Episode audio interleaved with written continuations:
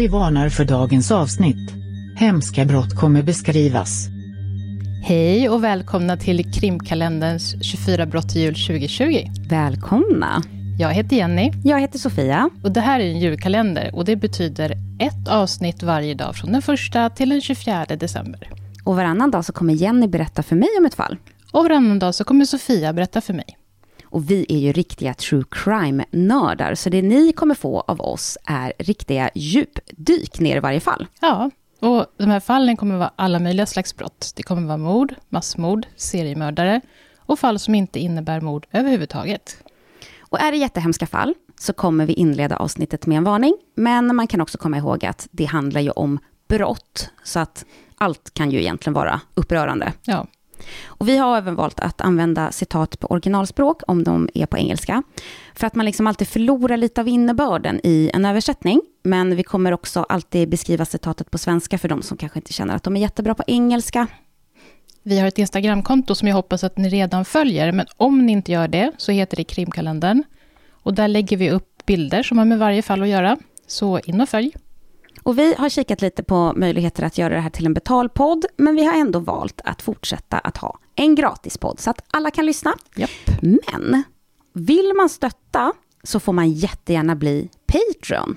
För vi har nämligen skaffat en Patreon-sida. Mm. Och då går man in på patreon.com och söker efter krimkalendern helt enkelt. Och vill man swisha så får man jättegärna göra det också. Numret finns på Instagram och det räcker ju liksom med en tia, många bäckar små.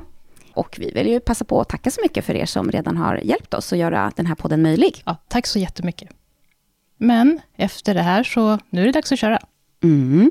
Och idag är det dags för Sofia att berätta om ett fall för mig. Ja, Spännande. du har ju fått välja. Jag hade ju några manus redo. Ja, jag fick några Så hintar. hintar. några hintar om vad, och så valde jag ett. Ja, så det, det, om ni inte tycker om det här så är det Jennys Ja. Då får ni skylla på mig. Precis. Michael Hernandez föds den 2 februari 1990. Mm, ett ganska nytt fall. Ja, I Palmetto Bay i delstaten Florida i USA. Och han föds in i en spirituell familj som stöttar honom i varje steg han tar. Familjen Hernandez bor i ett övre medelklassområde. Förutom Michael är det hans mamma, pappa, syster Christina och familjens hund. Jag vet inte vad hunden heter eller vad det är för hund och jag vet inte om systern är yngre eller äldre. Nej. Hans vänner liknar det vid den amerikanska drömmen. Michael är en begåvad elev bland skolan Southwood Middle Schools program för begåvade elever. Och här är han populär. Han beskrivs ha en magnetisk personlighet. Och när han pratar vill man liksom lyssna. Man vill vara i Michaels närhet. Och när man lyckas vara det så får man själv uppmärksamhet. För uppmärksamheten var allt som oftast på Michael. Mm. Men bland alla han är så populär hos har han två närmare vänner. Det är Jaime Gog och vissa källor uttalar det Jamie, för det är Mm. så det stavas. Men om jag har fattat det rätt så är det Jaime. Mm. Så det är Jaime Gog och Andre Martin. Andre berättar att Michael var lite av ledaren i deras trio. Var helst Michael går så hänger Jaime och Andre med. Och vad helst Michael bestämmer att de ska göra, så är det det de gör. Andre berättar att det inte finns något motstånd alls till Michaels idéer. Utifrån sett verkar Michael ha ett fantastiskt liv. Han har just blivit tonåring, som ju annars kan vara en ganska jobbig tid. Men han har en familj som stöttar honom, två bästa vänner och är populär i skolan. Men han har också ett inre. Andre berättar att när kompisgänget börjar bli äldre och kanske lite mer medvetna om den egna kroppen uttrycker Michael att han har ett intresse för att börja träna så att han kan gå ner i vikt. Mm.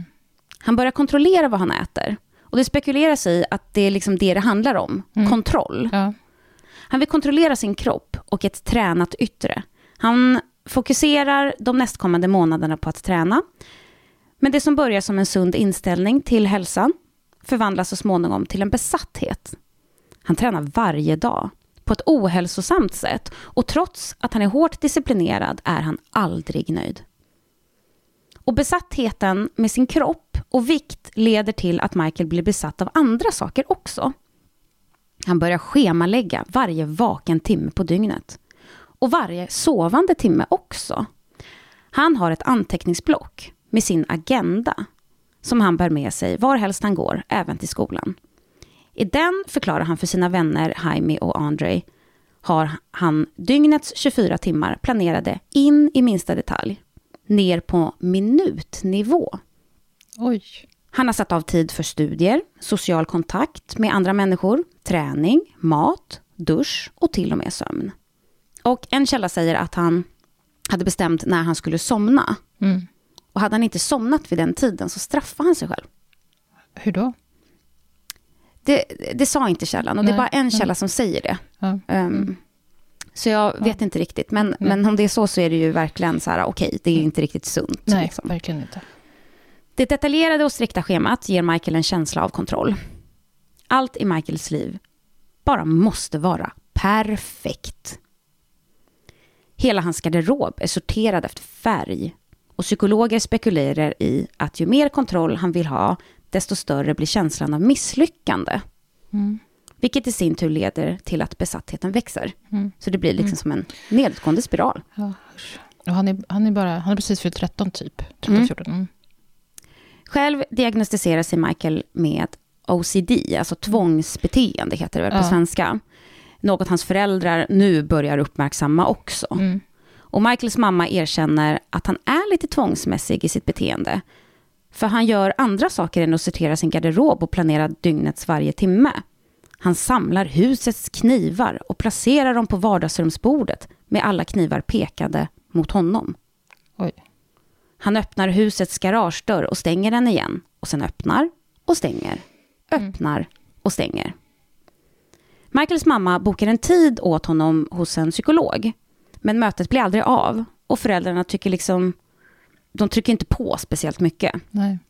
Varken de eller Michaels vänner tror att hans beteende är något att vara speciellt orolig över. Michaels mamma tänker att det nog bara är en sånt som händer när barn liksom börjar komma upp i tonåren. Mm. Men ju längre Michael tampas med det här själv, desto värre blir det.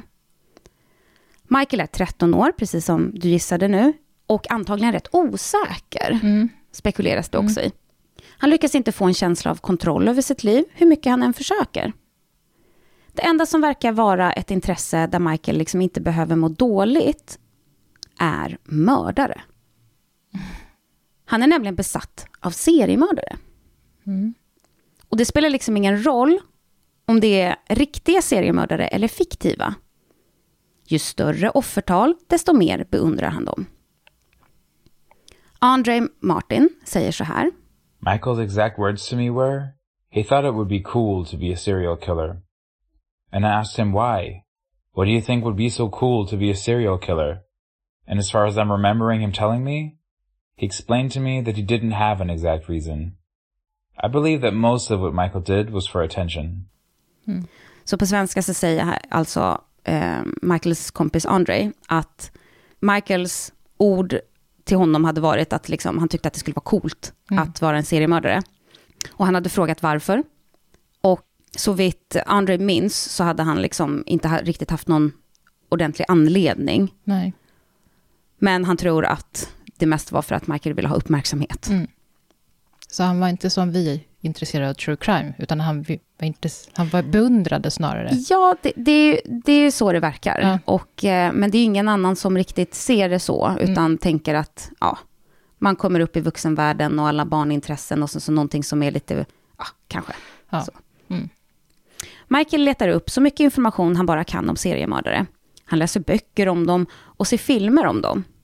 En av Michaels favoritfilmer är Silence of the Lambs, eller När lammen tystnar på svenska. Och jag har tagit in vår kompis David, Mm. som ju är en filmvetare, Ja. att berätta lite om det här. Mm. Spännande. Så att jag ska spela upp det nu. Ja. Mm. 1991 togs världen med storm när Jonathan Dems filmatisering av Thomas Harris roman När lammen tystnar gick upp på biograferna.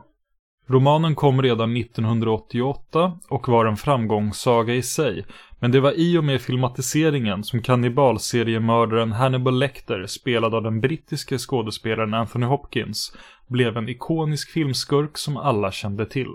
Hopkins framgång med Lecter innebar dock att han fick reprisera rollen två gånger till. Anledningarna till att filmatiseringen blev en sådan klassiker är många. Från Anthony Hopkins och Jodie Fosters otroliga Oscarsbelönade insatser till rent filmtekniskt innovativa grepp som klippningen mellan de nämnda skådespelarnas ansikten när de pratar med varandra. Men det är en specifik sak vi nu ska titta närmare på. I både Thomas Harris bok När lammen tystnar och filmatiseringen fick vi inte stifta bekantskap bara med en seriemördare utan två. Och faktum är att Hannibal Lecter är inte den aktivt verksamma seriemördaren. Den belevade renässansmannen med smak för människokött, alltså Lecter, hjälper nämligen FBI-agenten Clary Starling att hitta seriemördaren som är den aktiva. Seriemördaren som står för bokens och filmens mystiska mord som Clarice försöker lösa. Och det är han som vi nu ska fokusera på. Denne seriemördare är James Gumb alias Buffalo Bill. James Gumb är seriemördarens riktiga namn. Notera att James med ett M, som i mamma, är ett ganska ovanligt namn. Förklaringen till det är att det helt enkelt skedde ett administrativt fel när James som nyfödd baby skulle registreras och födelsecertifikatet skulle skrivas. Han skulle alltså egentligen antagligen ha hetat James, men ingen brydde sig om att rätta till det felet. Det finns dock ytterligare en intressant dimension i det. Jame kan verka som ett könsneutralt namn, eller snarare ett namn som är svårt att könsbestämma då det både påminner om kvinnonamnet Jane och mansnamnet James. Och här i ligger en fascinerande parallell till att James Gumb blev seriemördaren Buffalo Bill. Han är starkt fixerad vid metamorfoser, alltså förvandlingar, och hans livsuppdrag blir att själv genomgå en metamorfos, från man till kvinna. Buffalo Bills morbida manifestation av denna metamorfos blir att kidnappa kvinnor för att flå dem, ta deras skinn och av detta sy sig en egen kvinnodräkt. Av den anledningen kidnappar han primärt överviktiga kvinnor vars hud kommer bli lös och hängande efter att han har låtit dem svälta ett par dagar. Detta gör det lättare för honom att flå dem efter att ha mördat dem.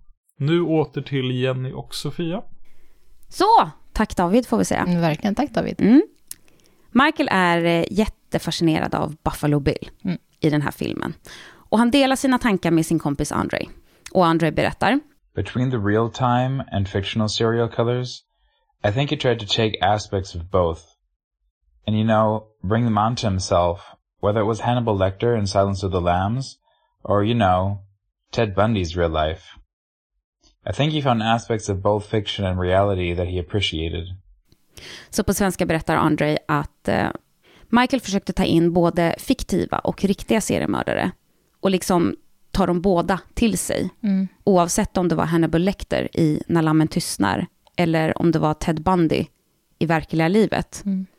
Jag tror att han hittade aspekter i både fiktiva och verkliga seriemördare som han uppskattade. Mm. Slutcitat. Michael vill liksom ha den makt som dessa seriemördare har över sina egna liv och andras. Och det är liksom det som driver honom, kontroll och makt. Och den ultimata makten över någon annan är att kontrollera deras liv. Och död. Michael vill inte bli känd, han vill bli ökänd.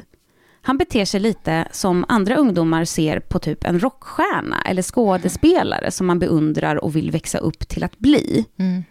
Men de han ser upp till är seriemördare. Så sättet han vill uppnå kändisskapet är att bli seriemördare. Så den mysiga killen Buffalo Bill ser alltså Michael lite som en idol. Något oroväckande. Ja, verkligen. Han identifierar liksom med seriemördare som Buffalo Bill. Mm. Och han stannar inte med fascination och beundran. Han börjar planera för att skapa sin egen seriemördarhistoria. En som inte ska bli spelfilm, utan spela ut i verkliga livet. Utöver att planera sina dagar ner på minutnivå gör Michael även listor i sitt anteckningsblock. En lista är våldsamma spel han planerar att spela och skräckfilmer som han ska studera. Vissa av dessa filmer är När lammen tystnar. Han studerar hur man mördar, men också hur man bäst kommer undan med det. Det blir liksom som en manual för Michael. För att upprätthålla kontrollen och lägga tid på sina studier tillbringar Michael mer och mer tid inlåst från samhället utanför. Han går från att lyssna på populär musik som de flesta andra i hans ålder lyssnar på till mer obskyr musik han laddar ner på internet. Låttexterna är grafiska historier om hur människor blir mördade och våldtagna. Han börjar också leta efter liksom riktiga bilder från brottsplatser på nätet. Foton av döda kroppar och ett antal videor av människor som blivit dödade. Han berättar för sina vänner hur coolt han tycker det är och hur stötande hans vänner än tycker att det är, så antar de att Michaels besatthet för döda bara är en fas. Detta tills Michael börjar agera. Mm. I skolan arrangeras en amerikansk fotbollsmatch där Michael, Jaime och Andre hänger med några andra elever. En av de andra eleverna drar ett skämt på Michaels bekostnad. Och jag vet inte vad det är för skämt, Nej. men det beskrivs som typ sånt som unga pojkar gör. Vad nu Okej. det är, jag, jag har ingen Nej. aning, utan jag nämner det bara för att Ja. källan skrev så. Hur som helst tar Michael inte skämtet speciellt bra och av någon anledning så har Michael en skruvmejsel med sig den här dagen. Han säger att det är för att han använder den för att liksom låsa sin eh, sovrumsdörr hemma så att hans syster inte kan ta sig in. Michael och den andra eleven börjar bråka verbalt, men det dröjer inte länge förrän Michael tar fram skruvmejseln och attackerar den andra pojken. Jaime och Andre försöker få honom att sluta så att han inte ska hamna i onåd i skolan. Och på något sätt så lyckas de utan att bråket blir allt för allvarligt. Andre berättar hur han förstår först här att Michael inte är helt hundra. Mm. Men han tror i efterhand att Michaels förändring var något som liksom hände främst inuti honom och att han dolde det ganska bra. Han berättar om en dag några veckor efter händelsen vid den här amerikanska fotbollsmatchen då Michael kommer till skolan med märken på armarna som ser ut som medvetna skärsår. Andre frågar Michael vad det är för sår och Michael svarar att han har skurit sig själv. Andre frågar varför och Michael svarar To feel the pain för att känna smärta.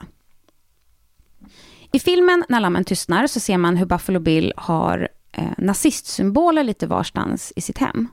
Han har bland annat ett överkast över sängen med hakkors på. Och det inspirerar Michael att bli intresserad av nazismen och Hitler. Han ritar hakkors i sitt anteckningsblock och skriver att han vill starta en sekt dit han ska rekrytera följare och att han vill starta ett krig. Det här är någonting som chockerar André totalt. De har ju massa vänner från olika delar av världen, så var får Michael de här idéerna ifrån? Men det Michael drömmer om mest är att bli seriemördare när han blir stor. Och han kan inte bärga sig. Han vill inte skada sig själv, han vill skada andra. Och han vill inte vänta tills han blir stor. Han börjar planera något alldeles speciellt till sin 14-årsdag och är fast beslutsam om att den födelsedagen ska bli något alldeles speciellt. Planen tar form mer och mer och Michael inser att för att mörda behöver man ett vapen. Och hans pappa äger en butik, så han kan ju beställa saker, kanske till ett lite billigare pris. Mm. Och Michael uttrycker ett intresse för att börja samla på knivar. Mm. Så hans pappa går med på att beställa hem knivar till honom. Och på så sätt kommer Michael över det han planerar använda som mordvapen. Vilka aningslösa föräldrar. Så jag skulle nog haja till ifall mina barn sa att jag vill börja spara på knivar. Ja, sen så finns ju en annan vapenkultur i USA. Ja, jo, det är sant. Kanske. Alltså, nu spekulerar Sant. jag. Mm. Jag vet inte. Han tar med sig en av sina knivar till skolan och flashar med den inför Andre och Jaime. Kompisarna tar det som en sån där våghalsig grej man gör i den åldern bara för att man typ inte får. Och att det därmed blir lite farligt och coolt. Mm. Ett sätt att liksom trotsa reglerna och lärarna typ. Mm. Men Michael vill ju bli seriemördare och han vet att han då måste mörda tre personer vid tre olika tillfällen Mm. för att uppnå det. Men planen i anteckningsblocket fokuserar främst på Michaels första mord. Ändå har han redan utsatt sina tre offer. En hitlist. Först Andre, sen Jaime och nummer tre, Michaels syster Kristina. Mm.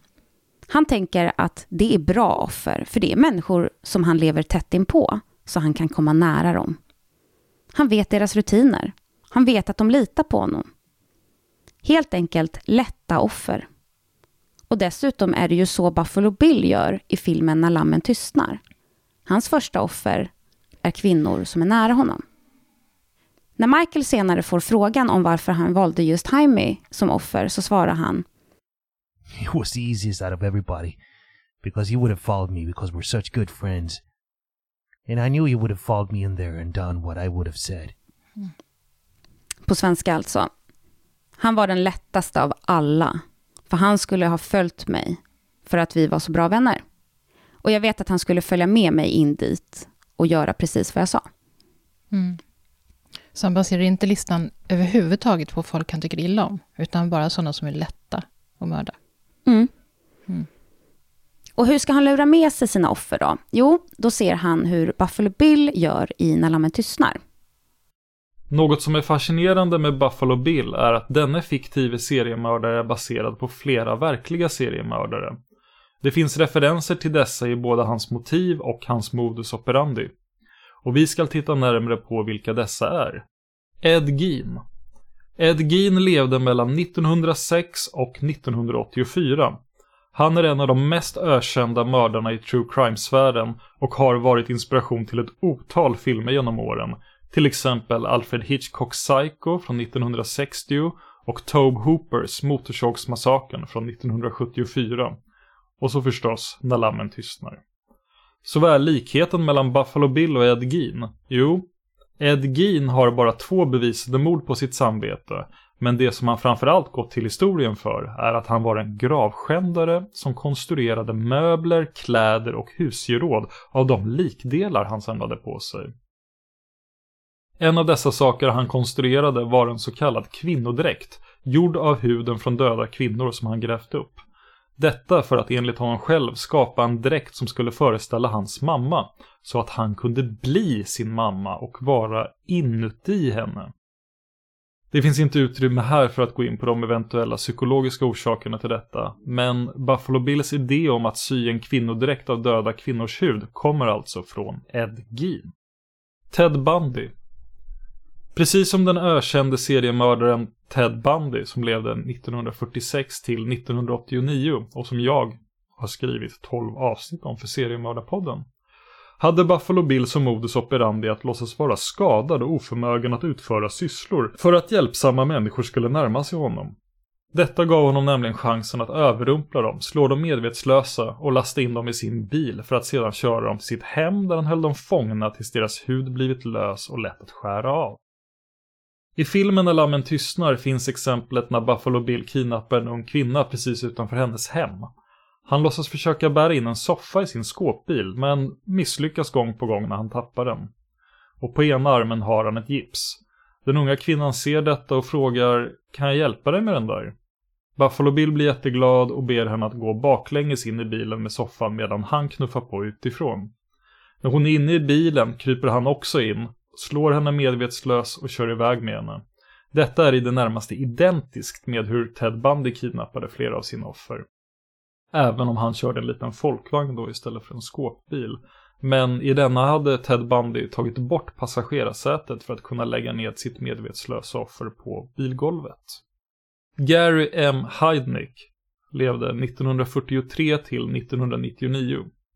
En amerikansk mördare som kidnappade kvinnor och höll dem fångna i en grop i sin källare. Exakt på det sättet som Buffalo Bill höll sina offer fångna. Buffalo Bill har dessutom ett system där han med rep sänker ner en hink med en tub hudsalva till sina offer som sitter i gropen så att de ska kunna återfukta huden och hålla den fin tills det är dags att flå dem. Edmund Kemper, född 1948. Amerikansk och internationellt ökänd seriemördare som, liksom den fiktive Buffalo Bill, mördade båda sina farföräldrar. I Buffalo Bills fall var det detta som ledde till hans första fängelsevistelse och det var under den här första fängelsevistelsen som han lärde sig att sy.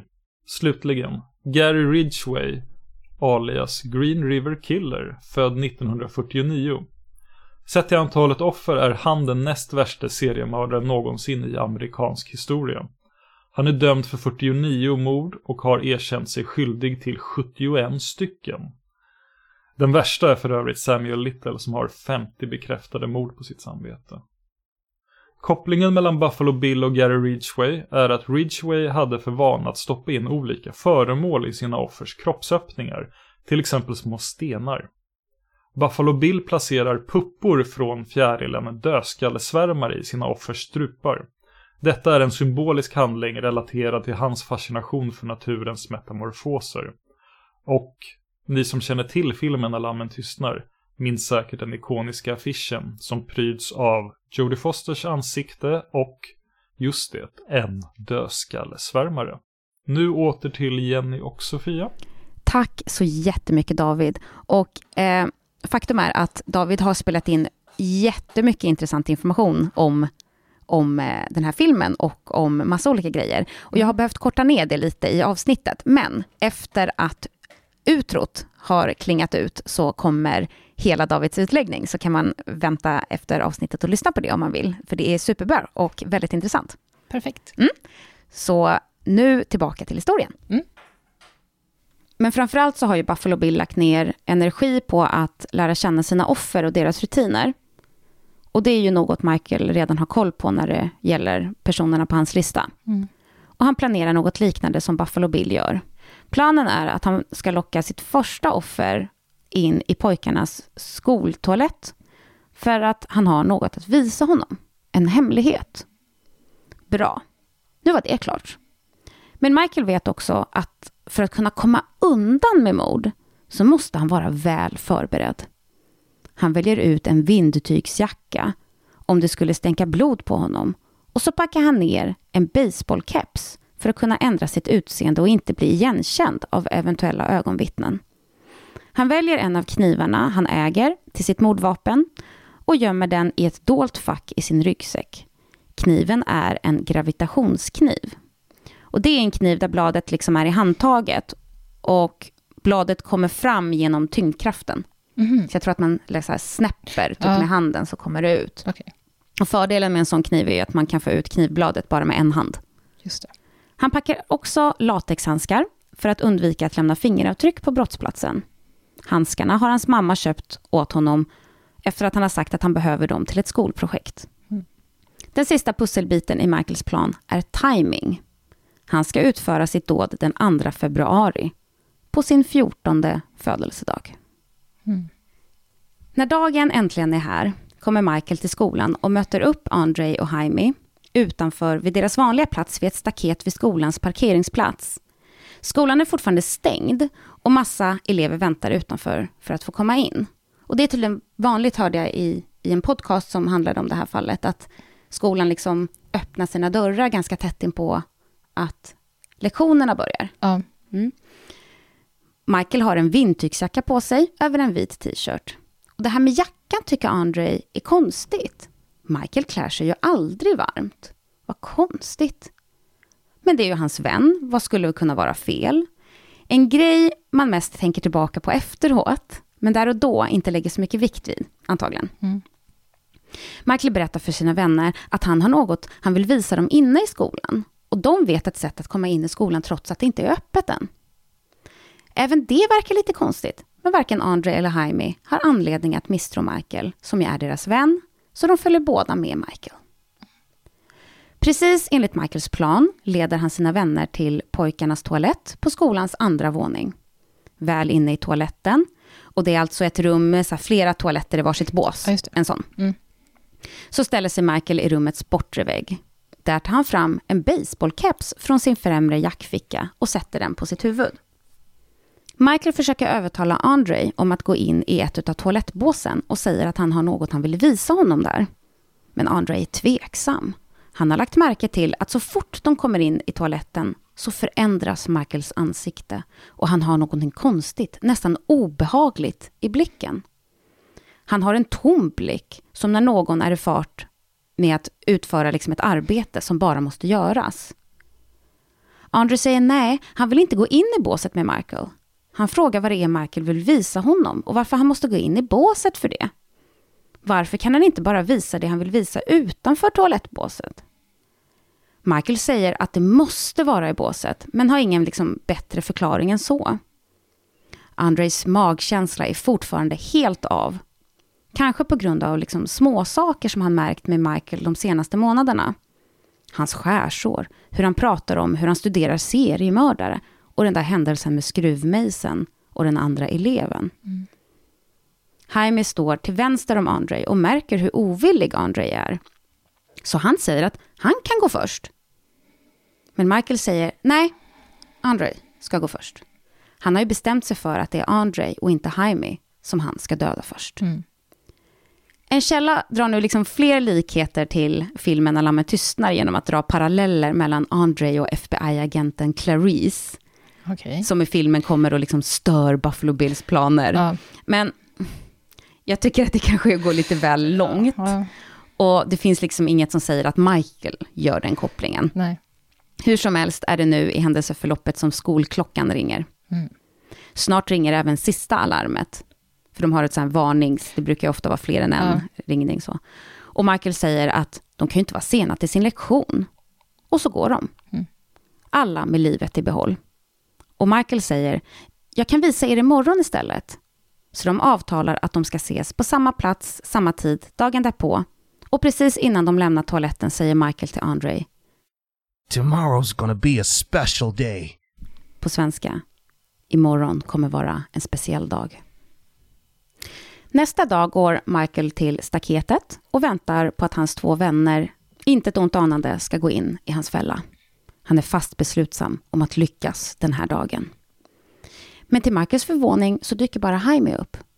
Mm. Andre är nämligen med i en klubb på skolan och just den här morgonen så hade de stämt möte för att diskutera klubbangelägenheter. Han har helt enkelt glömt bort att han har lovat att möta Jaime och Michael. Men kanske är det det som räddar livet på honom. Mm. Han har tänkt möta sina vänner, så han ljög inte. Och det är inte så att han håller sig undan med vilje. Han är ju nyfiken på vad det är för hemlighet Michael vill visa honom trots allt. Mm. Michael kan inte vänta på Andre. Han vet att han inte har jättemycket tid på sig, för snart så kommer ju skolklockan ringa in till lektion precis som dagen innan. Han får helt enkelt ändra sina planer om att Andre ska vara hans första offer och han riktar nu in sig på Jaime. De går upp på toaletten. Och Michael säger att det han vill visa Jaime är i det största toalettbåset. Där tänker Michael att han har mer utrymme för det han nu planerar att göra. Baserat på vad Michael själv berättar händer nu detta. Och det känns ju också viktigt att säga. Mm. Att när man ibland tar liksom, eh, fakta från en mördares mm. berättelse, mm. eller en... Ja. Men eh, det absolut, absolut mesta kan styrks också av bevisning. Mm. Väl inne i båset tar Michael på sig latexhandskarna. Jaime frågar såklart varför han gör det och Michael svarar att han tycker om känslan av att ha dem på sig. Han ber Jaime vända sig om med ryggen mot honom för han vill att det han ska visa honom ska vara en överraskning. Sen säger Michael att okej, okay, jag kommer behöva lägga min hand över din mun nu. Sen tar Michael fram kniven och börjar skära i Jaimes hals. Jaime lyckas slita sig loss från Michaels grepp, vänder sig om och ber Michael inte döda honom. Michael säger, okej, okay, det kommer jag inte göra om du bara samarbetar. Men det, säger Michael i förhör efteråt, är en lögn. Michael märker nu att toalettdörren är öppen, så han låser den. Sen vänder han sig om mot Jaime igen och knivhugger honom. Polis frågar honom i förhör senare var han knivhugger Jaime och Michael svarar att han gissar att det var i stora halsvenen. Det var vad han siktade på i alla fall, säger han. Michael hugger och han hugger och han hugger. Och för att vara säker på att Jaime är död sticker han honom i ansiktet med kniven för att se om han reagerar. Och så kollar han Jaimes ögon. Och ja, Jaime är död. 13 år gammal. Usch. Efter det att Michael är klar med Jaime tar han av sig latexhandskarna och spolar ner dem i toaletten. Han tvättar sina händer och trycker ner sin jacka och kniven i sin ryggsäck. Han promenerar ut ur toaletten och går till morgonens lektion. Han har då knivhuggit Jaime 42 gånger. Gud. Och när Michael berättar om det här i polisförhör så är han liksom extremt kall. Mm. Och du kommer få höra det sen. Okej. Och jag reagerar speciellt på när han berättar att han har sagt till Jaime att han inte kommer mörda honom och att han liksom, om han bara samarbetar. Mm. Och så följer han upp kommentaren med, but that was a lie. Alltså så här snabbt Ja. och bara så kallt. Alltså det var en lögn. Ja. Han säger det liksom på ett sätt som att han pratar om vad som helst. Ja. Och det faktum att han är så kall kan ju peka på att han är psykopat. Mm. som inte känner liksom empati och sympati. Och det finns såklart psykiater som har yttrat sig om fallet, som kör just den kopplingen. Mm. Och jag har dels hört uttalanden från Dr. Chitra Raghavan, som är från John Jay College of Criminal Justice, och Dr. Charles A. Morgan III, som är forensisk psykiater. Mm. Och Dr. Chitra säger att Michaels sätt att prata här är på ett mer liksom beskrivande sätt, utan någon känsla. Mm. Vilket kan peka på att han eventuellt är psykopat. Mm. Hon har även sett Michaels anteckningsblock, där man liksom kan följa hans fascination av serie och massmördare, och hur det liksom växer och utvecklas till att han studerar mördare, och till sist då börjar planera att bli en själv. Mm. Och i blocket kan man se hur han, liksom, han har ritat hur han ska mörda sina offer. Och i Mm. nedre delen av en sida så har han skrivit “Will become serial killer”. Mm. Alltså, ska bli en seriemördare. Mm. Och Dr. Chitra tycker sig även kunna se hur Michael liksom är egocentrisk och hur det då kan leda till ett manipulativt beteende. Mm. Allt ska liksom ske som Michael planerar. Så där på hans 14-årsdag, när Andre liksom inte gick med på att gå in i båset, så kunde Michael inte bara tänka, äsch, ja, men då kör jag Jaime först istället. För Jaime var ju liksom på, så det hade Michael kanske lyckats med. Mm. Men han har en plan och det han vill och planerat är vad som är viktigt. Och då har han svårt att anpassa sig Ja. bara sådär. Att det ska ske just på hans sätt är viktigt. Och själva planen och utförandet av den är liksom en del av upphetsningen, Mm. Säger den här Dr. Chitra. Ja. Och Dr. Charles pratar om det här med att Michael ljuger för Mm. Jaime. Eller enligt sin egen utsago så eh, gör han ju det. Mm. Att han lovar att liksom inte döda Jaime, men gör det ändå. Och även det, menar Dr. Charles, kan vara ett tecken på psykopati. Då psykopater liksom inte har några spärrar när det kommer till att ljuga. Nej. Han säger att lögn är bara ett medel att få igenom sin vilja. Mm. Så han vet att han liksom inte menar det han säger till Jaime, Nej. men säger det ändå. För att Jaime inte ska få panik och att det gynnar hans egna syften. Mm. Men tillbaka lite till händelseförloppet då. Mm. Michael har just mördat sin kompis, gjort sig av med bevis och gått till sin lektion. Han kommer visserligen lite sent, men det är liksom ingen som höjer på ögonbrynet över det. Nej. Michael försöker bete sig som vanligt. Han skrattar och skämtar som han brukar. Men så upptäcker han att han har Haimis blod på sin vita t-shirt. Han ber om att få gå från lektionen för att gå på toaletten för att tvätta sig. Han säger att han måste ha börjat blöda när hans kompis Jaime råkat öppna en dörr så att den slog i Michael över munnen. Och att det är liksom därför han har blod på tröjan, att det är hans blod. Michaels lärare låter honom gå. Och strax därefter så upptäcks Jaimes döda kropp på toalettgolvet av andra elever på skolan. Skolanställda ringer frenetiskt larmnumret 911 och över skolans högtalarsystem informeras hela skolan om en nedstängning. De säger att en person hittat stöd på skolan, men säger inte att det handlar om mord. Men med tanke på att det är en nedstängning blir eleverna oroliga och Michael gör sitt bästa för att agera normalt. Polis får dock snart reda på omständigheterna om att Jaime är Michaels vän och att Michael dykt upp på lektion med blod på sin tröja. Och hans förklaring till varför han har blod på tröjan inkluderar ju även mordoffret Jaime. Ja. Hade någon sett att den hade blod innan han pratade om det själv? Vet man det? Nej, det säger inte källorna någonting om. Nej. Michael förs ut ur skolan och in i ett förhörsrum. Förhöret inleds med frågor om huruvida Michael känner Jaime, hur de känner varandra och hur länge de har känt varandra. Förhöret pågår i timmar och Michael säger sig inte ha något med Jaimes död att göra. Istället skyller han på någon vid namn Sangray, som Michael säger är en 17-årig spansk gängmedlem som Jaime är skyldig pengar. Han säger att han har gett Sangray kniven och att Sangray sen börjat knivhugga Jaime och att Michael då inte visste vad han skulle göra. Så det är som att han försöker förklara varför han har blod på tröjan, Ja. så han var där, men det var inte han. Nej.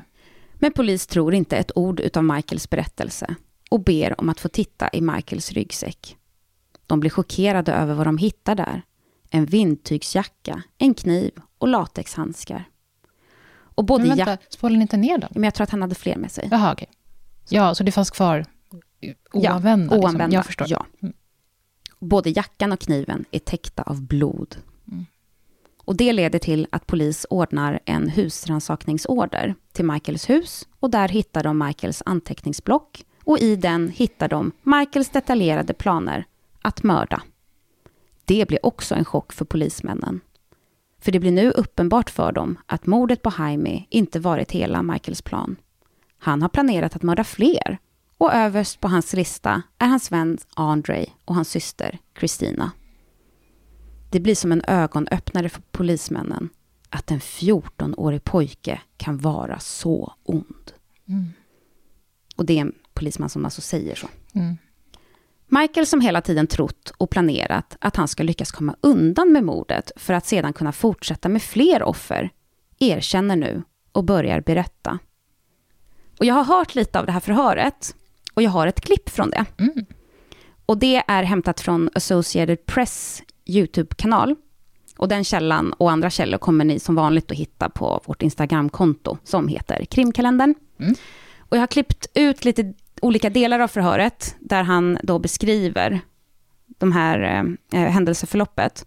Och man kan liksom tydligt höra att det är två olika röster. En som är djupare och kanske lite vuxnare, Mm. tycker jag mig kunna höra. Och det är förhörsledaren. Och sen den ljusare rösten då är Michael. Uh, why did you make the suggestion to Jamie to go inside the school today? Um, I was planning to murder him. I got him into the stall by saying, look, I have something to show you. So I got him into the stall, and I told him to turn around because I wanted to be a surprise. I, t- I was talking to him, and I told him, all right, now, I'm gonna, now, I have to put my hand over your mouth. Okay. And so I did, and I lifted his neck up. I took the knife out, and I proceeded to slit his throat. Did Jamie say or do anything? Did he put up a struggle? Yes, he did.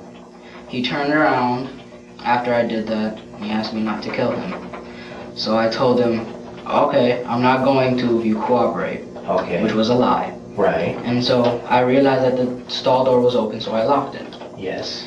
And then I turned him around again and proceeded to stab him. Do you think what you did is right or wrong? No, I don't.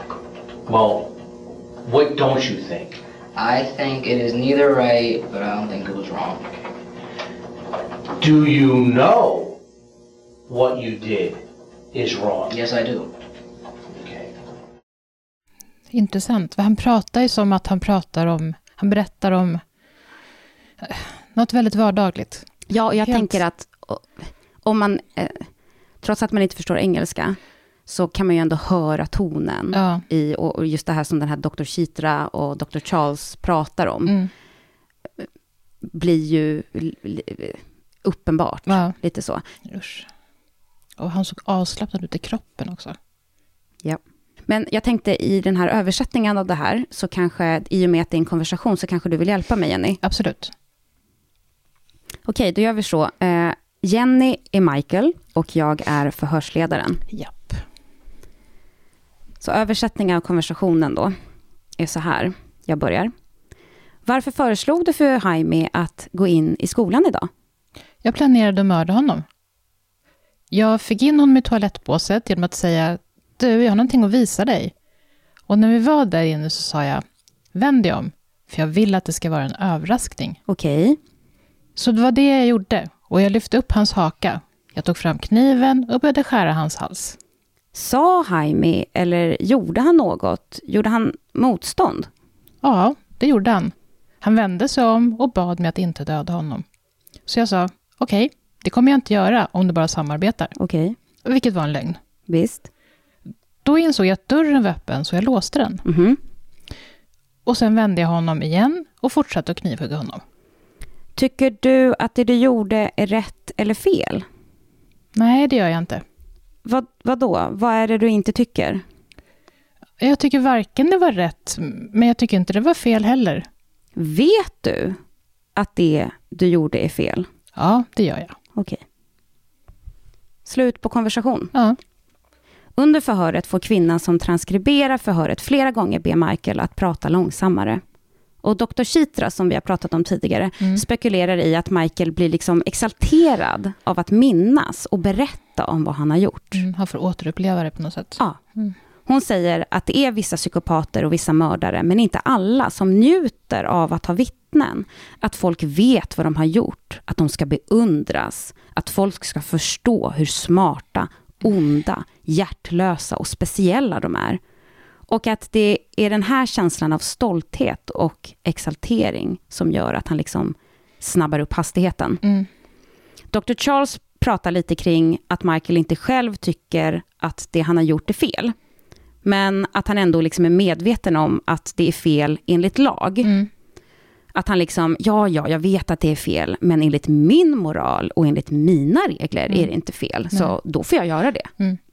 När nyheten om att det är Michael som är ansvarig för Jaimes död börjar Andre tänka. Han lägger ihop pusselbitarna själv gällande vad som har hänt dagen innan mordet och inser hur nära det är att han själv varit död. Mm. Han berättar. I don't believe I'm a victim.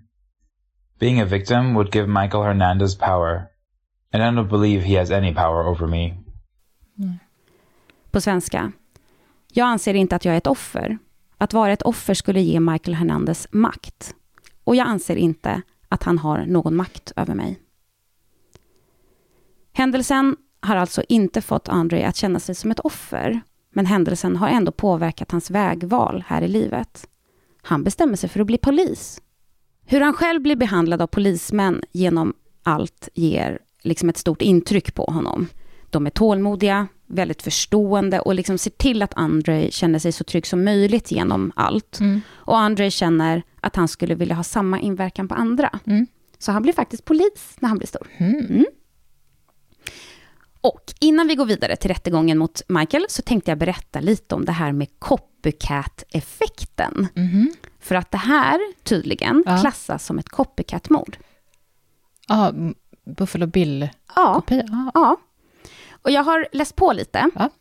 Och jag hittade lite, alltså lite vetenskaplig fakta, eller vad man ska säga. Och det tyckte jag var lite intressant. Mm.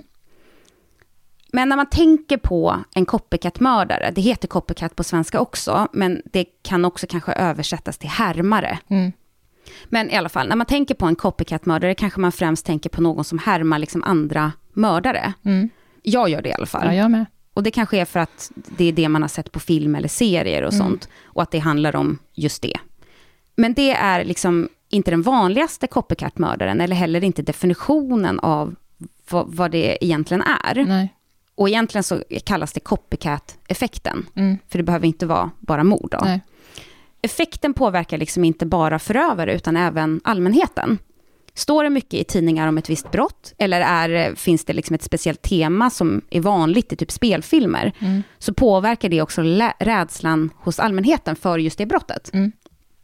Och jag har kikat lite på vad kriminologer, psykologer och sociologer säger om ämnet. Och det finns liksom inte jättemycket vetenskapligt i ämnet. Men jag har hittat lite kriminologer som yttrar sig i alla fall. Och den första som började prata om att imitation kan spela en roll i kriminellt beteende går tillbaka till sena 1800-talet och den franska kriminologen Gabriel Tard, kanske Ja. uttalas så. Och han definierar copycat-effekten med citat, en hjärnas influens på en annan hjärna. Och menar då att influensen sker i två steg. Det finns en modell och en kopia. Det vill säga en idé som tenderar liksom att reproducera sig själv genom förslag eller Ja. Mm. Och sen två då, steg två. En imiterande handling genom vilken då reproduktionen utförs. Mm. Och det senare då är copycat-brott. Mm. Men copycat-effekt behöver ju liksom inte betyda brott. Effekten var uppmärksammad redan när Johann Wolfgang von Goethes roman Den unge Werthers lidande Mm. Som publicerades 1774. Och boken har en romantisk huvudperson som begår självmord, vilket tydligen ledde till att läsare gjorde detsamma. Mm. Och även typ utökat självmord, Jaha. mord och andra brott, Ja. som då kan kopplas till den här boken då, som, Ja. som folk läste och blev inspirerade av. Men uttrycket copycat för att liksom beskriva just kriminellt beteende användes först av David Dressler, en sociolog i New York, 1961. Han skrev en artikel med namnet The Case of the Copycat Criminal, alltså copycat-brottslingen. Och i den beskriver han att eh, när brott kommer i vågor så spelar imitationen stor roll. Andra kunniga i ämnet anser dock inte att copycat-brott är liksom en speciellt stor grej. Hur som helst så spelar liksom inte riktigt copycat-effekten någon större roll för hur poliser utreder brott Nej och hur domstolar dömer eller hur liksom kriminalvården sköts. Och det kanske är just därför det liksom är ett ämne som det liksom inte forskas i speciellt mycket. Nej. Jacqueline Helgfott, professor i straffrätt vid Seattle University, säger att viss forskning pekar mot att brottslingar får sina idéer från media. Och att det i alla fall är vissa människor som tar inspiration därifrån. Mm. Så typ om media skriver mycket om speciellt, ett speciellt brott, så inspirerar det även andra att begå samma brott. Mm. Och de här människorna kallas edge sitters, eller fritt översatt till kantsittare. Så att det är liksom folk som är på gränsen till att begå brott. Mm. Och att det då liksom inte är speciellt mycket som krävs för att knuffa över dem ö- över gränsen. Mm. Så återigen då, så är det ju liksom inte vem som helst, utan att det är någon som är precis på gränsen. Och det känns ju logiskt kanske. Mm. Andra kunniga säger att media inte spelar någon roll alls. Att många ser ju nyheterna, men inte alla går ut och begår brott för att de har sett andra göra det på tv. Och när det gäller Goethes roman så vet man ju liksom inte hur stor copycat-effekten var, vilket ju alltid är svårt. Mm. Vilka skulle liksom ha begått självmord eller mord trots att romanen inte existerat? Och det vet man ju inte. Nej. Men det var lite om copycat-effekten. Och det var lite det jag tänkte när jag skulle hitta ett fall. Jag tänkte copycat-mördare, Ja. det vore ju något. Ja. Så att det som ligger till grund i Michael Hernandez fall är ju då att han är inspirerad av Nalla med tystnar och, Ja. och Buffalo Bill. Mm. Men tillbaka till Michael nu då. Det är konstigt ändå att han, eller vad vet jag, men att han vill, han vill ju bli liksom berömd eller ökänd. Mm. Men han vill bli det som en kopia av någon annan. Ja, jag vet inte om det är så att han vill bli en kopia. Det är inte Nej. det jag får intryck av, Nej. utan det är snarare att han, han vill bli seriemördare och för att Mm. bli seriemördare så, så ser han på hur andra gör. Ja, och, han inspireras ja, mer. och speciellt då Buffalo Bill, Ja. eh, av någon anledning. Mm. Så jag tror inte att han vill, då skulle han ju ha ansträngt sig mer, tänker jag, att Ja. det ska bli just som Buffalo. Bill. Mm. Mm. Strax efter att Michael erkänt så blir han åtalad för mord av första graden och försök till mord av första graden. Michaels försvar ifrågasätter om han är kompetent nog för att ställas inför rätta. Men när kompetensutredningen hålls i november 2004 vittnar experter som utsätts av rätten om att Michael varken är paranoid schizofren eller lider av annan mental ohälsa som påverkar hans kompetens. Försvarets experter menar dock att Michael lider av just paranoid schizofreni och säger att det försämrar hans kompetens. Men experten slår liksom inte fast att Michael är helt inkompetent i sammanhanget, alltså för att ställas inför rätta. Nej. Och efter att ha gått igenom fakta så kommer man fram till att trots att Michael lider av mental ohälsa av något slag, så är han kompetent nog och att en rättegång trots allt ska hållas. När rättegången närmar sig kommer försvaret med en uppdaterad kompetensgranskning och i september 2008, alltså fyra år senare, Mm. hålls en andra kompetensutredning. Experter säger nu att Michael har gravt tvångsbeteende, kronisk depression och dystemi, en mild men ständigt pågående depression. Igen anses Michael kompetent nog att ställas inför rätta. Och rättegång blir det. Trots att åtalet väckts i ett område i Florida så blir det rättegång i ett annat, fortfarande i Florida. Mm. Och det är för att fallet har fått så mycket uppmärksamhet och att det, det står liksom inte exakt vad det är för skillnad mellan de här två områdena. Men jag gissar att det kanske är att rätts, rättegångssalen är liksom, har större säkerhet på det andra stället, alternativt att den kanske är större. Ja. Åtalet mot Michael gäller dels mord av första graden och försök till mord av första graden. Försvaret försöker få bort åtalet om mordförsök, då han liksom rent faktiskt inte attackerat Andre. Nej. Men det får de inte igenom. Sen går försvarets taktik ut på att försöka bevisa att Michael var otillräknelig vid tiden för mordet. Alltså det man engelska beskriver som legally insane. Mm. Ja. Juryn håller liksom inte med om det och dömer Michael, då 17 år gammal, Mm. den 24 september 2008 för ett mord av första graden på Jaime och försök till mord av första graden på Andre. Domen är livstidsfängelse utan möjlighet till villkorlig frigivning för mordet och ytterligare 30 år för mordförsöket. Han döms som är vuxen. Ja, det är precis det han gör. Mm. Du kan parkera den tanken. Okej. Under rättegången så får Jaimes pappa Jorge Gag möjlighet att bemöta Michael. The News Station har en ljudupptagning av det. My other boy was my little friend too, also. In which I raised and loved. And you took us, you took his life. Why, Michael? Why? Mm. Så om jag översätter det då så säger Jaimes pappa till Michael. Min pojke som jag uppfostrade och älskade. Och du tog hans liv. Varför Mike? Varför? Gör det dig inte illa? Bryr du dig inte? Och så är han tyst en lång stund och så säger han. Det gör ont, Michael. Mm. Varken under tiden Jaimes pappa pratar eller någon annan gång under rättegången visar Michael några som helst känslor. Han får möjligheten att yttra några ord, men han gör inte det heller. När han efter domen läses upp, förs ut ur salen, gråter hans mamma, som vädjat till domaren, att hennes son ska få sitta i fängelse i närheten, så att de kan åka och hälsa på honom. Mm. Och jag vet inte om det blir beviljat, och jag liksom inte vet var föräldrarna bor. Nej. Men sen händer något 2012 som ger Michael en möjlighet till en ny rättegång. Fallet Miller vs. Alabama är ett rättsfall där det slås fast att det är författningsstridigt att döma omyndiga förövare till livstidsfängelse utan möjlighet till villkorlig frigivning per automatik. Mhm. Alltså, det finns typ vägledande straff för vissa brott, Mm. Vilket i Michaels fall innebär att om han döms för mord av första graden så betyder det helt enkelt livstidsfängelse utan möjlighet för villkorlig frigivning. Mm. Och det kan liksom inte bli ett annat straff. Nej. Och det slår alltså fast av Högsta domstolen 2012 att så får man inte göra när gärningspersonen är minderårig. Och Högsta domstolen menar att ett sådant straff är citat grymt och ovanligt hårt för förövare med hjärnor som liksom inte är fullt utvecklade.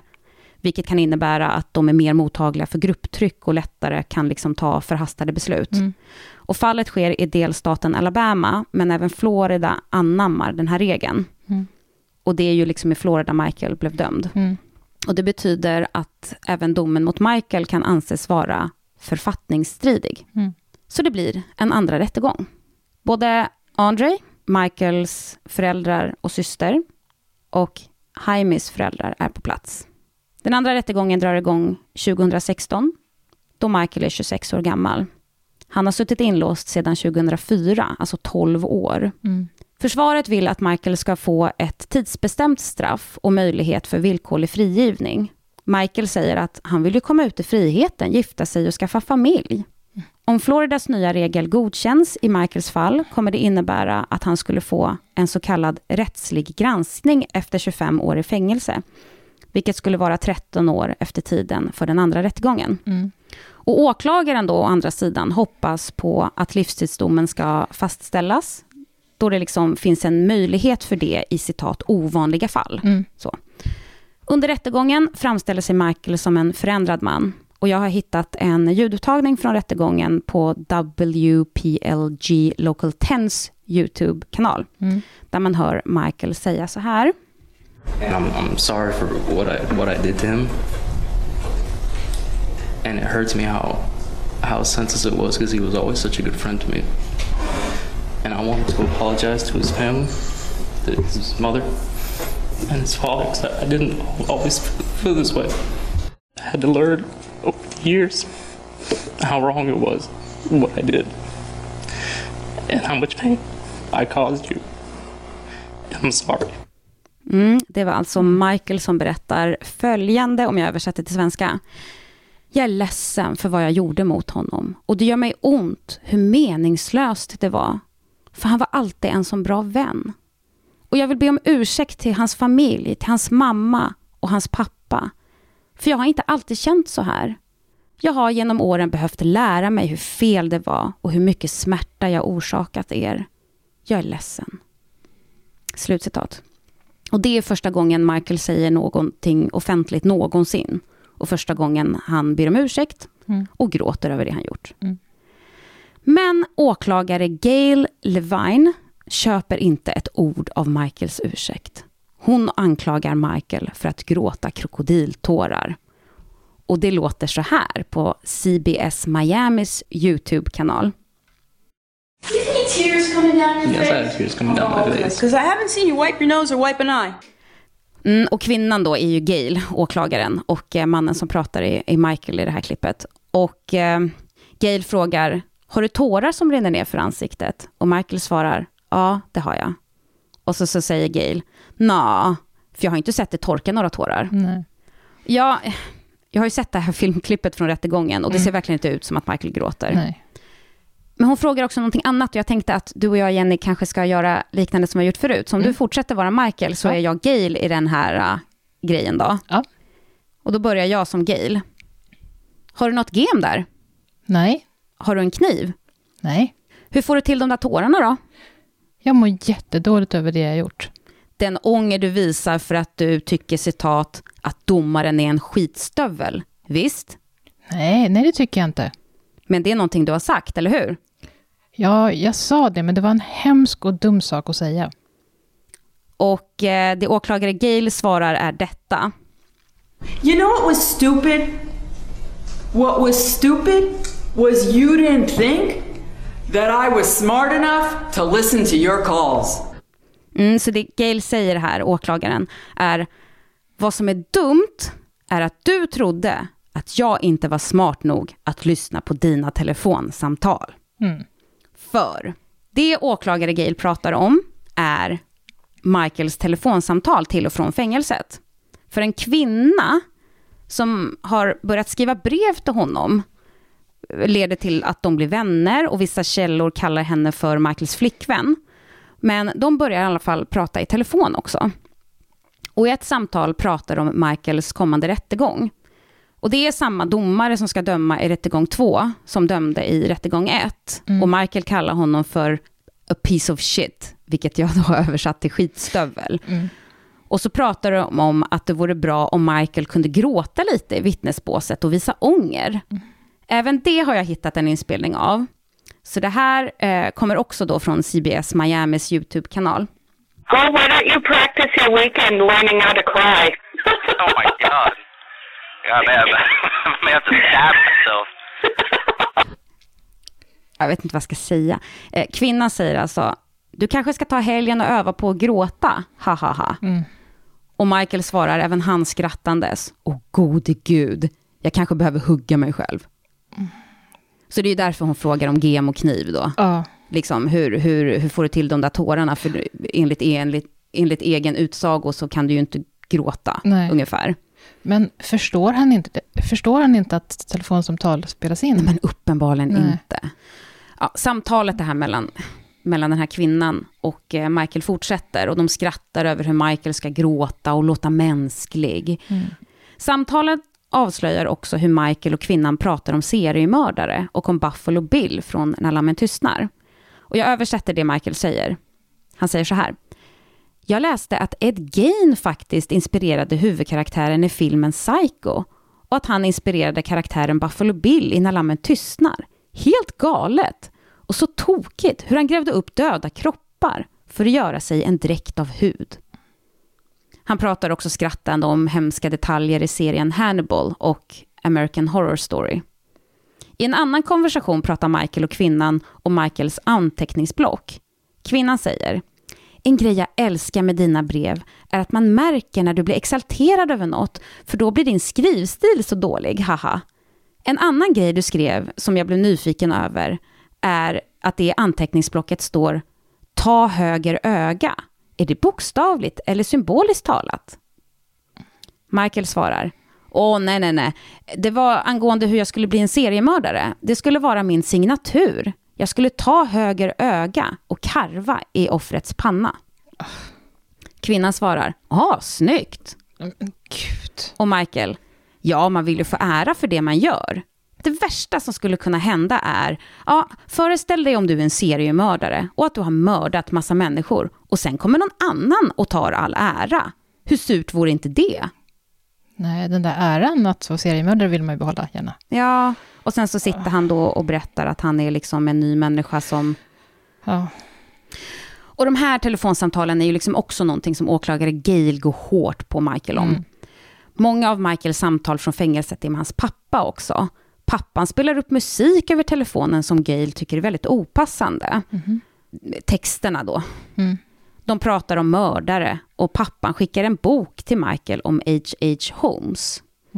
Och samtidigt som jag förstår lite så varför åklagaren tar upp sånt så tycker jag väl inte att det behöver betyda någonting. Nej. Och jag menar, det vet ju både du och jag, Jenny, och kanske alla som lyssnar på det här, att bara för att man lyssnar på dödsmetall, eller läser böcker, eller lyssnar på podcasts om verkliga brott, så behöver det ju verkligen inte betyda att man är modisk eller en hemsk människa. Absolut inte. Så att jag vill bara vara tydlig med det, att det är ingenting jag kanske håller med om, men man, man kan ändå köpa hon, att hon tar upp det. Liksom. Ja, I och med att han faktiskt är en mördare, så det är de två sakerna ihop. Liksom. Ja, men att det var lite den här att han har skrivit i anteckningsblocket när han var 13, Mm. ändå visar en fascination av seriemördare, vilket sen ledde till att han faktiskt mördade, Mm. och att han nu uppenbarligen fortfarande är fascinerad. Alltså det blir ju Ja. i sammanhanget snarare. Mm. Ja.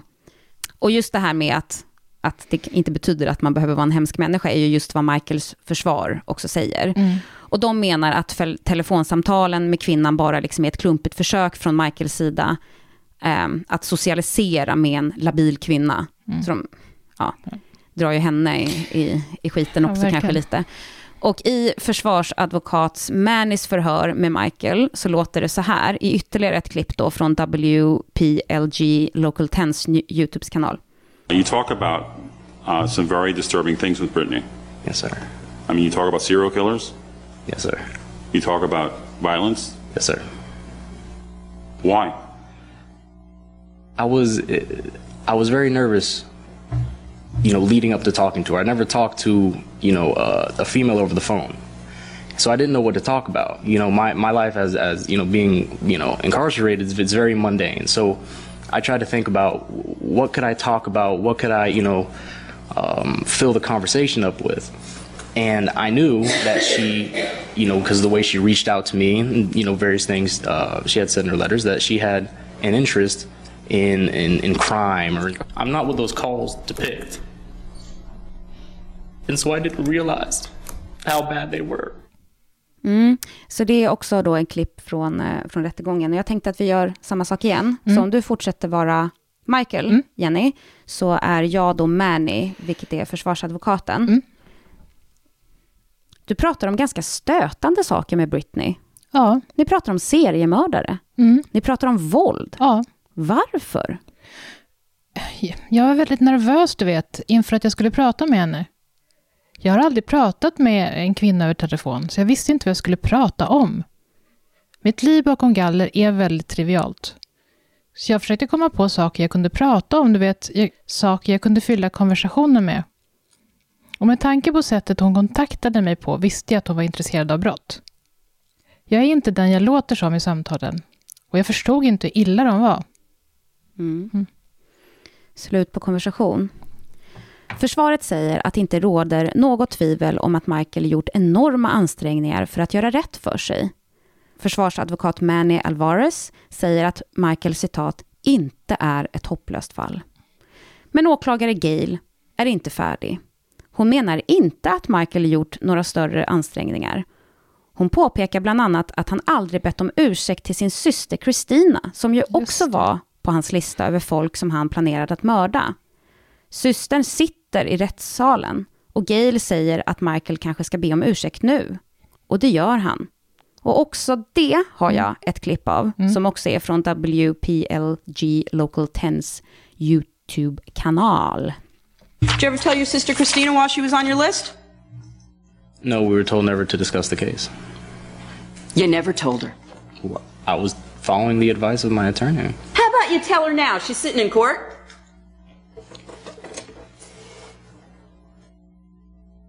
I had absolutely, I, I love you, and I had absolutely, absolutely no, no intent to ever do anything to you.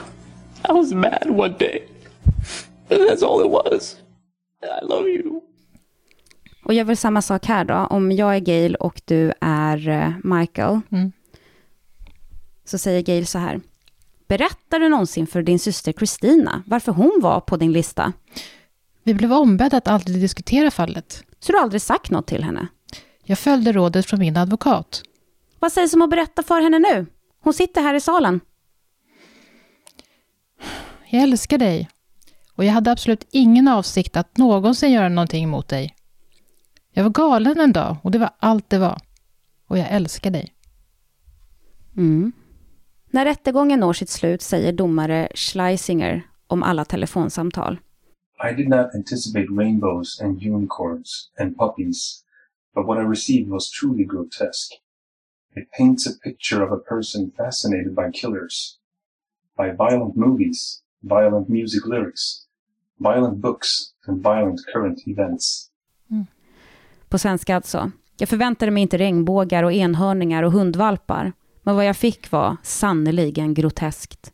Det målar en bild av en person som är fascinerad av mördare, av våldsamma filmer, våldsamma musiktexter, våldsamma böcker och våldsamma händelser. Slutcitat.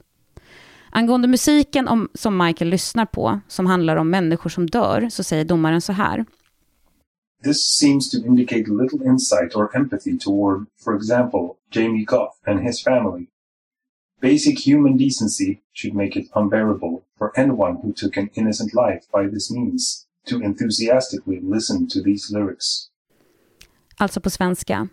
Detta visar på lite insikt eller empati för till exempel Jaime Gag och hans familj. Vanlig mänsklig anständighet borde göra det outhärdligt för vem som helst som tagit ett oskyldigt liv att lyssna på sådana texter. Åklagare Gale säger The more things change, the more they stay the same. He's 14, he's 26, he's the same person. Give him life. på svenska. Ju mer saker förändras, desto mer är de oföränderliga. Han är 14, han är 26, han är samma person. Ge honom livstid. Mm. Slutcitat. Och domaren håller med. Domen lyder livstidsfängelse igen. Utan möjlighet till villkorlig frigivning. Mm. Så domaren åberopar alltså det där kryphålet, vad man ska kalla det, Ja. att man kan döma en minderåring till livstid om det är ett ovanligt fall. Ja. Vilket han då anser att det här är. Mm. Domen är en lättnad för Jaime Gags familj och utanför rättssalen så säger James pappa så här, hämtat från Miami Heralds YouTube-kanal. that Michael Hernandez is uh, a danger for society. Uh, for him coming out, I think the judge made the right decision sending uh, to life for uh, in jail. It- That's where he belongs. His mentality is totally violent, and all this the stuff that they recorded in jail. I don't think we need somebody like Michael Hernandez as our neighbor. Hmm. På svenska. Michael Hernandez är en fara för samhället. Jag tycker att domaren gjorde rätt i att skicka honom till livstidsfängelse. Det är där han hör hemma. Hans mentalitet är totalt våldsam och alla de här sakerna de spelat in i fängelset.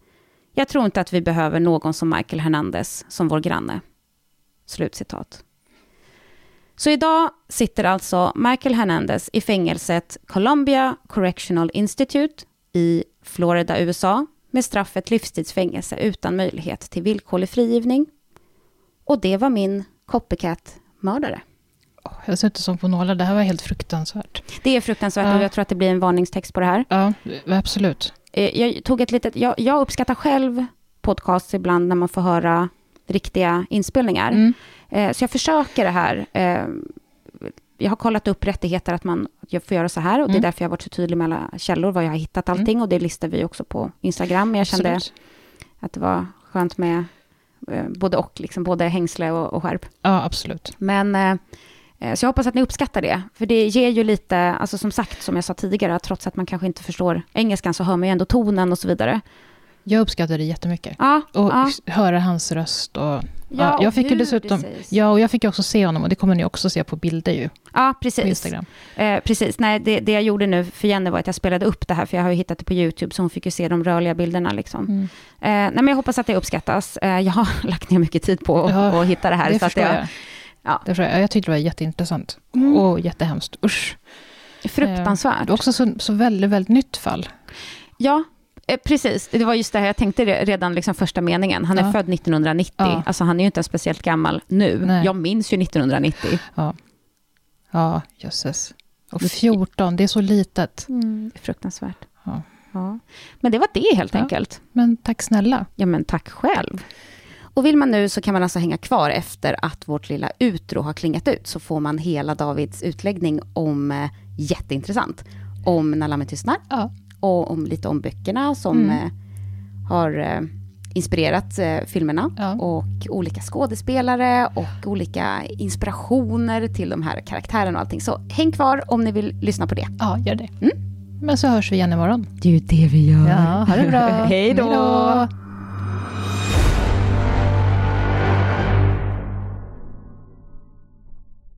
Han, identi han identifierar sig, nej.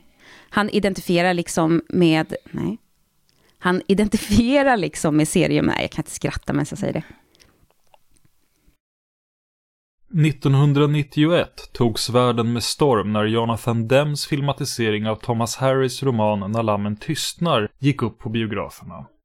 Romanen kom redan 1988 och var en framgångssaga i sig, men det var i och med filmatiseringen som kannibalseriemördaren Hannibal Lecter, spelad av den brittiske skådespelaren Anthony Hopkins, blev en ikonisk filmskurk som alla kände till. Thomas Harris hade redan 1981 skrivit romanen Röd drake om seriemördaren med samma smeknamn, alltså Röde drake, i vilken Hannibal Lecter förekom. I Thomas Manns filmatisering av Röd drake från 1986 med titeln Manhunter spelades Hannibal Lecter av en annan brittisk skådis, nämligen Brian Cox. Hopkins framgång med Lecter innebar dock att han fick reprisera rollen två gånger till. I Ridley Scotts underskattade och helt fantastiska Hannibal från 2001 och i ytterligare en inspelning av Harrys bok Röd drake från 2002. Hannibal Lecter har även spelats av Gaspar Ulliel i Hannibal Rising från 2007. Den är också baserad på en av Harrys böcker. Och så har Hannibal Lecter också spelats av den danske skådespelaren Mads Mikkelsen i tv-serien Hannibal som gick mellan 2013 och 2015. Men åter till När lammen tystnar. Anledningarna till att filmatiseringen blev en sådan klassiker är många. Från Anthony Hopkins och Jodie Fosters otroliga Oscarsbelönade insatser till rent filmtekniskt innovativa grepp som klippningen mellan de nämnda skådespelarnas ansikten när de pratar med varandra. Men det är en specifik sak vi nu ska titta närmare på. I både Thomas Harris bok När lammen tystnar och filmatiseringen fick vi inte stifta bekantskap bara med en seriemördare utan två. Och faktum är att Hannibal Lecter är inte den aktivt verksamma seriemördaren. Eh, likadant är det också i Röde drake.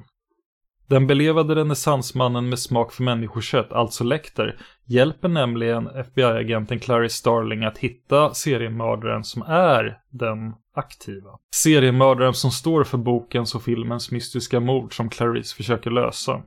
Och det är han som vi nu ska fokusera på. Denne seriemördare är James Gumb alias Buffalo Bill. James Gumb är seriemördarens riktiga namn.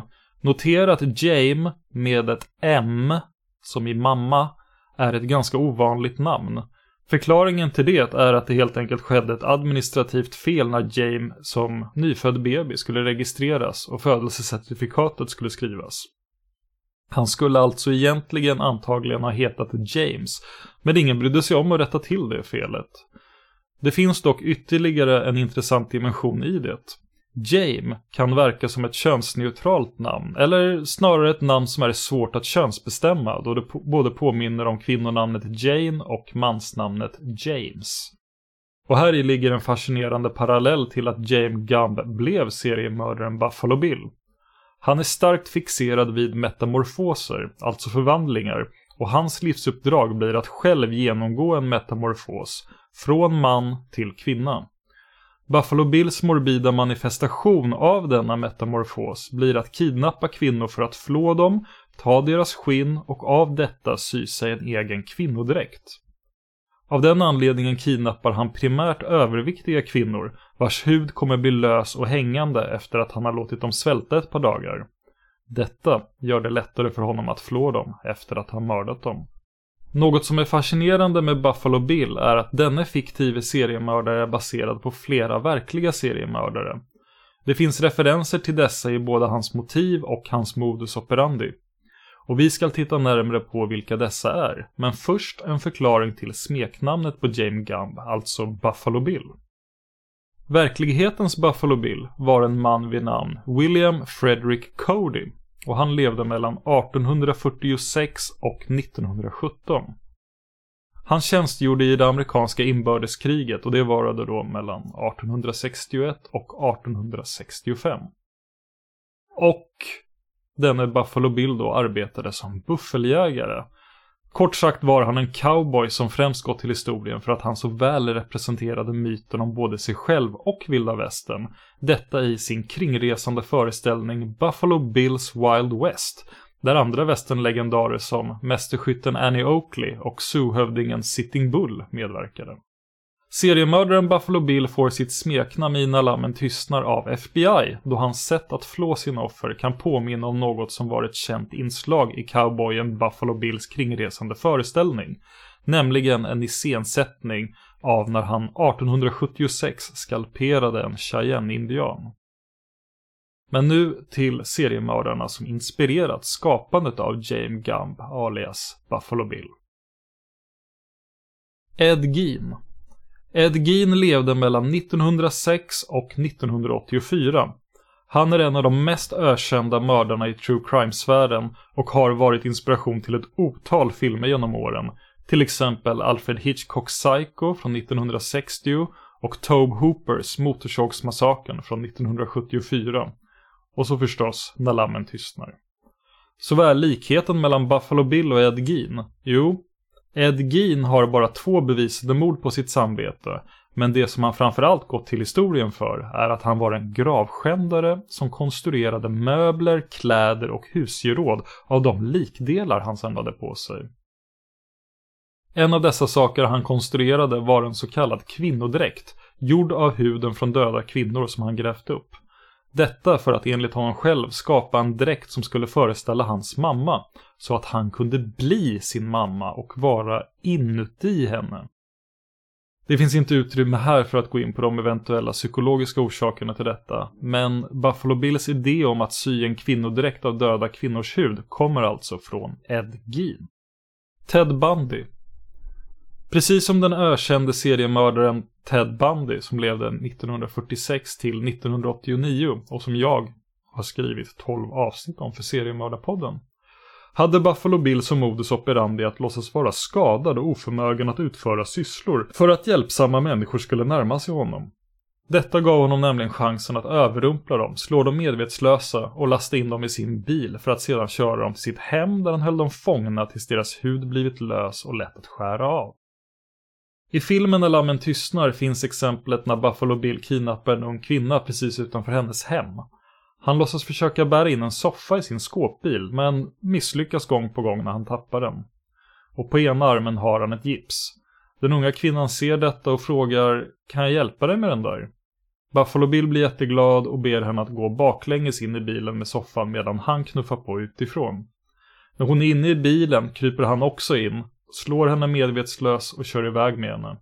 Detta är i det närmaste identiskt med hur Ted Bundy kidnappade flera av sina offer. Även om han körde en liten folkvagn då istället för en skåpbil. Men i denna hade Ted Bundy tagit bort passagerarsätet för att kunna lägga ned sitt medvetslösa offer på bilgolvet. Gary M. Heidnick levde 1943 till 1999. En amerikansk mördare som kidnappade kvinnor och höll dem fångna i en grop i sin källare. Exakt på det sättet som Buffalo Bill höll sina offer fångna. Buffalo Bill har dessutom ett system där han med ett rep sänker ner en hink med en tub hudsalva till sina offer som sitter i gropen så att de ska kunna återfukta huden och hålla den fin tills det är dags att flå dem. Edmund Kemper, född 1948. Amerikansk och internationellt ökänd seriemördare som, liksom den fiktive Buffalo Bill, mördade båda sina farföräldrar. I Buffalo Bills fall var det detta som ledde till hans första fängelsevistelse och det var under den här första fängelsevistelsen som han lärde sig att sy. Slutligen, Gary Ridgway, alias Green River Killer, född 1949. Sett till antalet offer är han den näst värsta seriemördaren någonsin i amerikansk historia. Han är dömd för 49 mord och har erkänt sig skyldig till 71 stycken. Den värsta är för övrigt Samuel Little som har 50 bekräftade mord på sitt samvete. Kopplingen mellan Buffalo Bill och Gary Ridgway är att Ridgway hade för vana att stoppa in olika föremål i sina offers kroppsöppningar, till exempel små stenar. Buffalo Bill placerar puppor från fjärilen dödskallesvärmare i sina offers strupar. Detta är en symbolisk handling relaterad till hans fascination för naturens metamorfoser. Och ni som känner till filmen När lammen tystnar minns säkert den ikoniska affischen som pryds av Jodie Fosters ansikte och, just det, en dödskallesvärmare. Det var lite om James Gumb alias Buffalo Bill och seriemördarna som inspirerade till skapandet av honom. Nu åter till Jenny och Sofia.